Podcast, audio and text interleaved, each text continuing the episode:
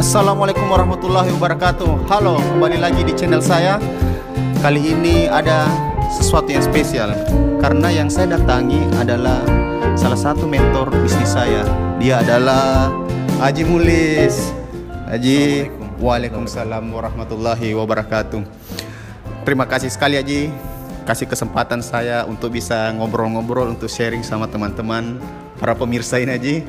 Uh, tentang masalah dunia bisnis saja. Jadi begini dulu, Haji Mulis ini adalah owner dari Apotik MM yang ada di Macini yang pas sudut depan Pasar Karwisi. Pas depan Pasar Karwisi yang sudah the legend di sana. Terus Haji Mulis ini adalah salah satu owner dari Begos yang singkatan dari Bebek Goyang Sulawesi.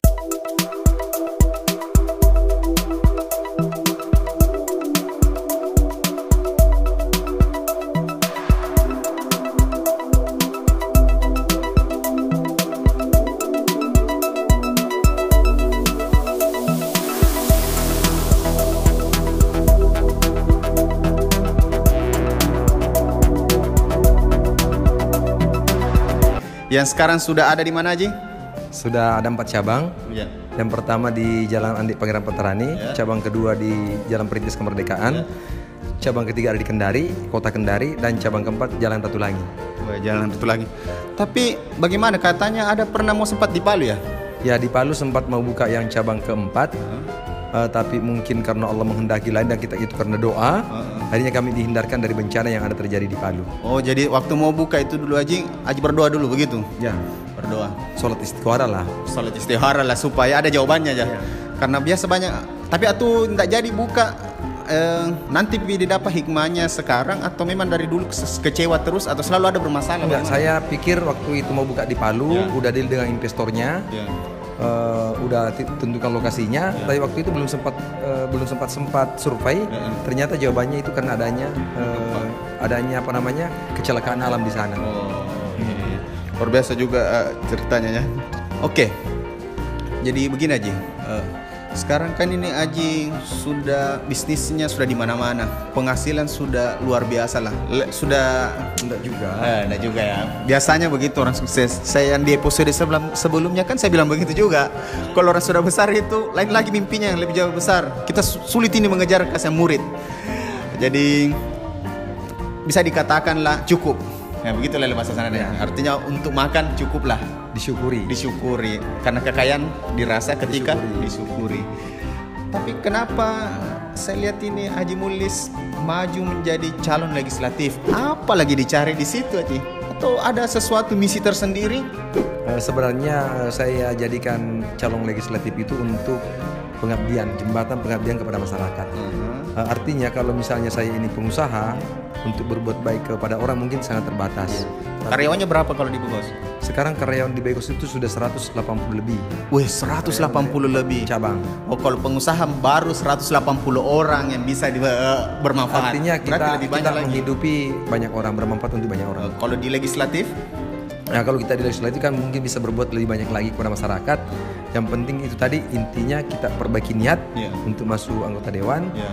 uh, terus uh, apa namanya harus amanah yeah. itu yang paling penting yeah. uh, makanya ini uh, saya mengajak kepada anak muda pemirsa yeah. ya pilih Hanura nomor dua yeah, pilih yeah. satu nomor dua ini dia posternya ya yeah, yeah, sip sip. Oh dari partai Hanura ya, ya. Nomor dua ya. Dapil mana itu aja dapil satu meliputi kecamatan Makassar Poceli yeah. dan Ujung Pandang. Oke. Okay.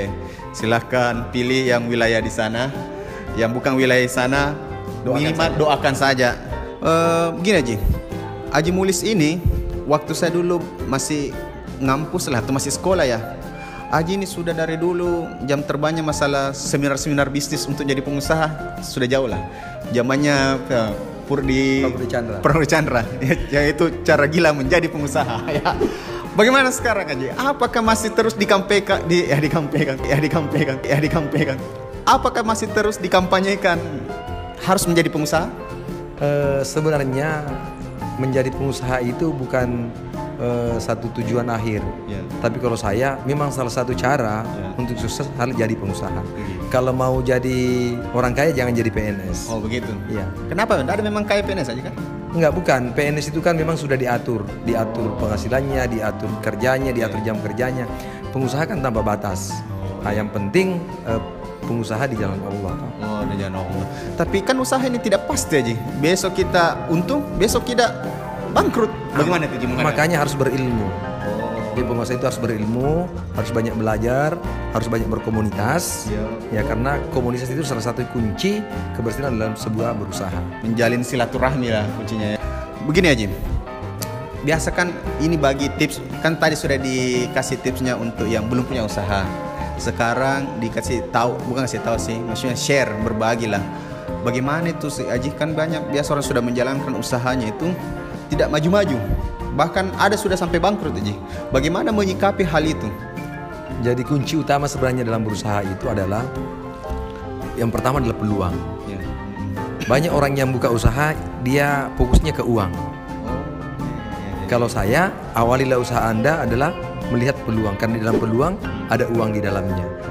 Nah, terus yang kedua adalah uh, bukalah usaha itu yang dibutuhkan oleh masyarakat.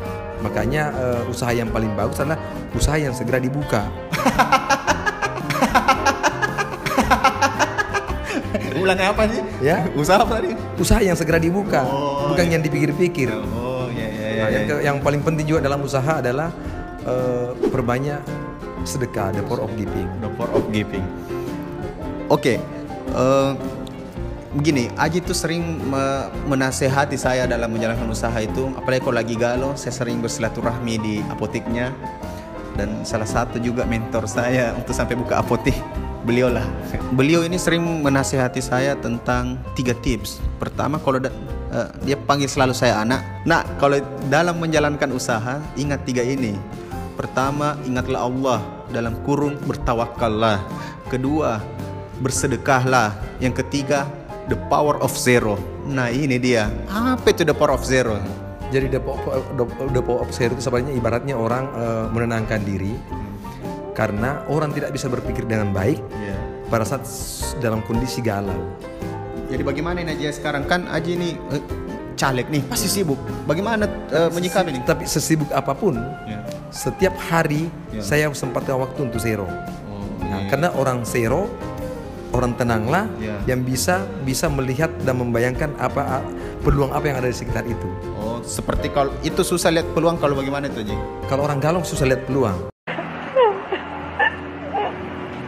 Orang galau itu orang galau susah lihat peluang ya karena pusing saja terus ya. dia pikir ya nah, jadi tapi kalau orang tenang ya. menenangkan diri sejenak ya. itu banyak peluang yang akan inspirasi yang akan timbul ya. dan itu membuat sebuah ide-ide dalam bisnis kita oh ya ya saya ingat sekali Aji Mulis ini pernah pesan sama saya dia pernah bilang sama saya dar lihat kok orang yang naik roller coaster mereka itu hanya sibuk dengan Diri. dirinya sendiri Ketakutan. dan ketakutannya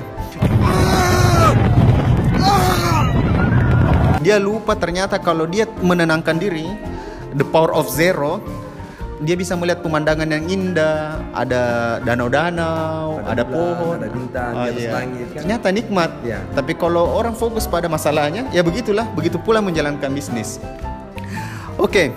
yang terakhir sekali aja uh, apa uh, pesan Aji untuk para pemuda, para penerus bangsa ini? Karena Aji adalah sesepuh kami. Ajarilah kami apa tips-tips untuk para pemirsa ini. Jadi Kandar ini terlalu berlebihan sebenarnya. Jadi sebenarnya saya ajak kepada anak muda semua, uh, tips sukses itu adalah buat impian Anda dulu. Oh, mimpi dulu. Impian dulu. Yeah. Jadi beda bermimpi, yeah. beda cita-cita dengan impian. Yeah, yeah, yeah. Nah, ambil kertas lembar, yeah tulis semua impian-impian Anda dalam kertas putih. Hmm. Itu masih dilakukan aja sampai masih sekarang. dilakukan sampai sekarang. Terus di sebelahnya itu tulis semua kekurangan-kekurangan Anda. Yeah. Dan setiap hari dibuang kekurangan itu dan pertanyaan impian itu. Karena apa pun yang Anda rasakan hari ini yeah. adalah hasil pikiran Anda masa lalu. Oh. Jadi kalau mau sukses akan datang maka tidak ada jalan lain harus pikirkan hari ini. Oh, begitu. Jadi memang ada investasi pikiran gitu aja. eh apa namanya bukan investasi pikiran, impian. Oh, investasi impian. Ya, oh, gitu ya. ya. Oh, harus kita berani bermimpi. Berani bermimpi. Ya, berani punya impian. Oh, berani punya impian. Oh, ya ya ya. Itu kunci sukses sederhana tapi ingatlah selalu uh, uh, bahwa ya, beranilah memiliki impian dan catat uh, dan di atas, kertas. di atas kertas dan di belakangnya katanya tulis kekurangan-kekurangan uh, Anda dan nanti uh, hilangkan satu-satu kekurangan Anda.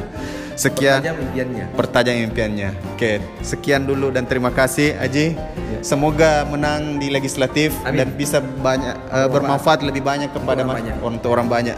Dan jangan pernah lupa Aji, saya selalu ingat pesannya Aji ini bahwa setinggi-tinggimu kamu jangan pernah sombong ya. karena kamu bisa jatuh karena kesombongan itu. Aji selalu mengingatkan saya selalu ingat. Terima kasih banyak. Assalamualaikum warahmatullahi wabarakatuh.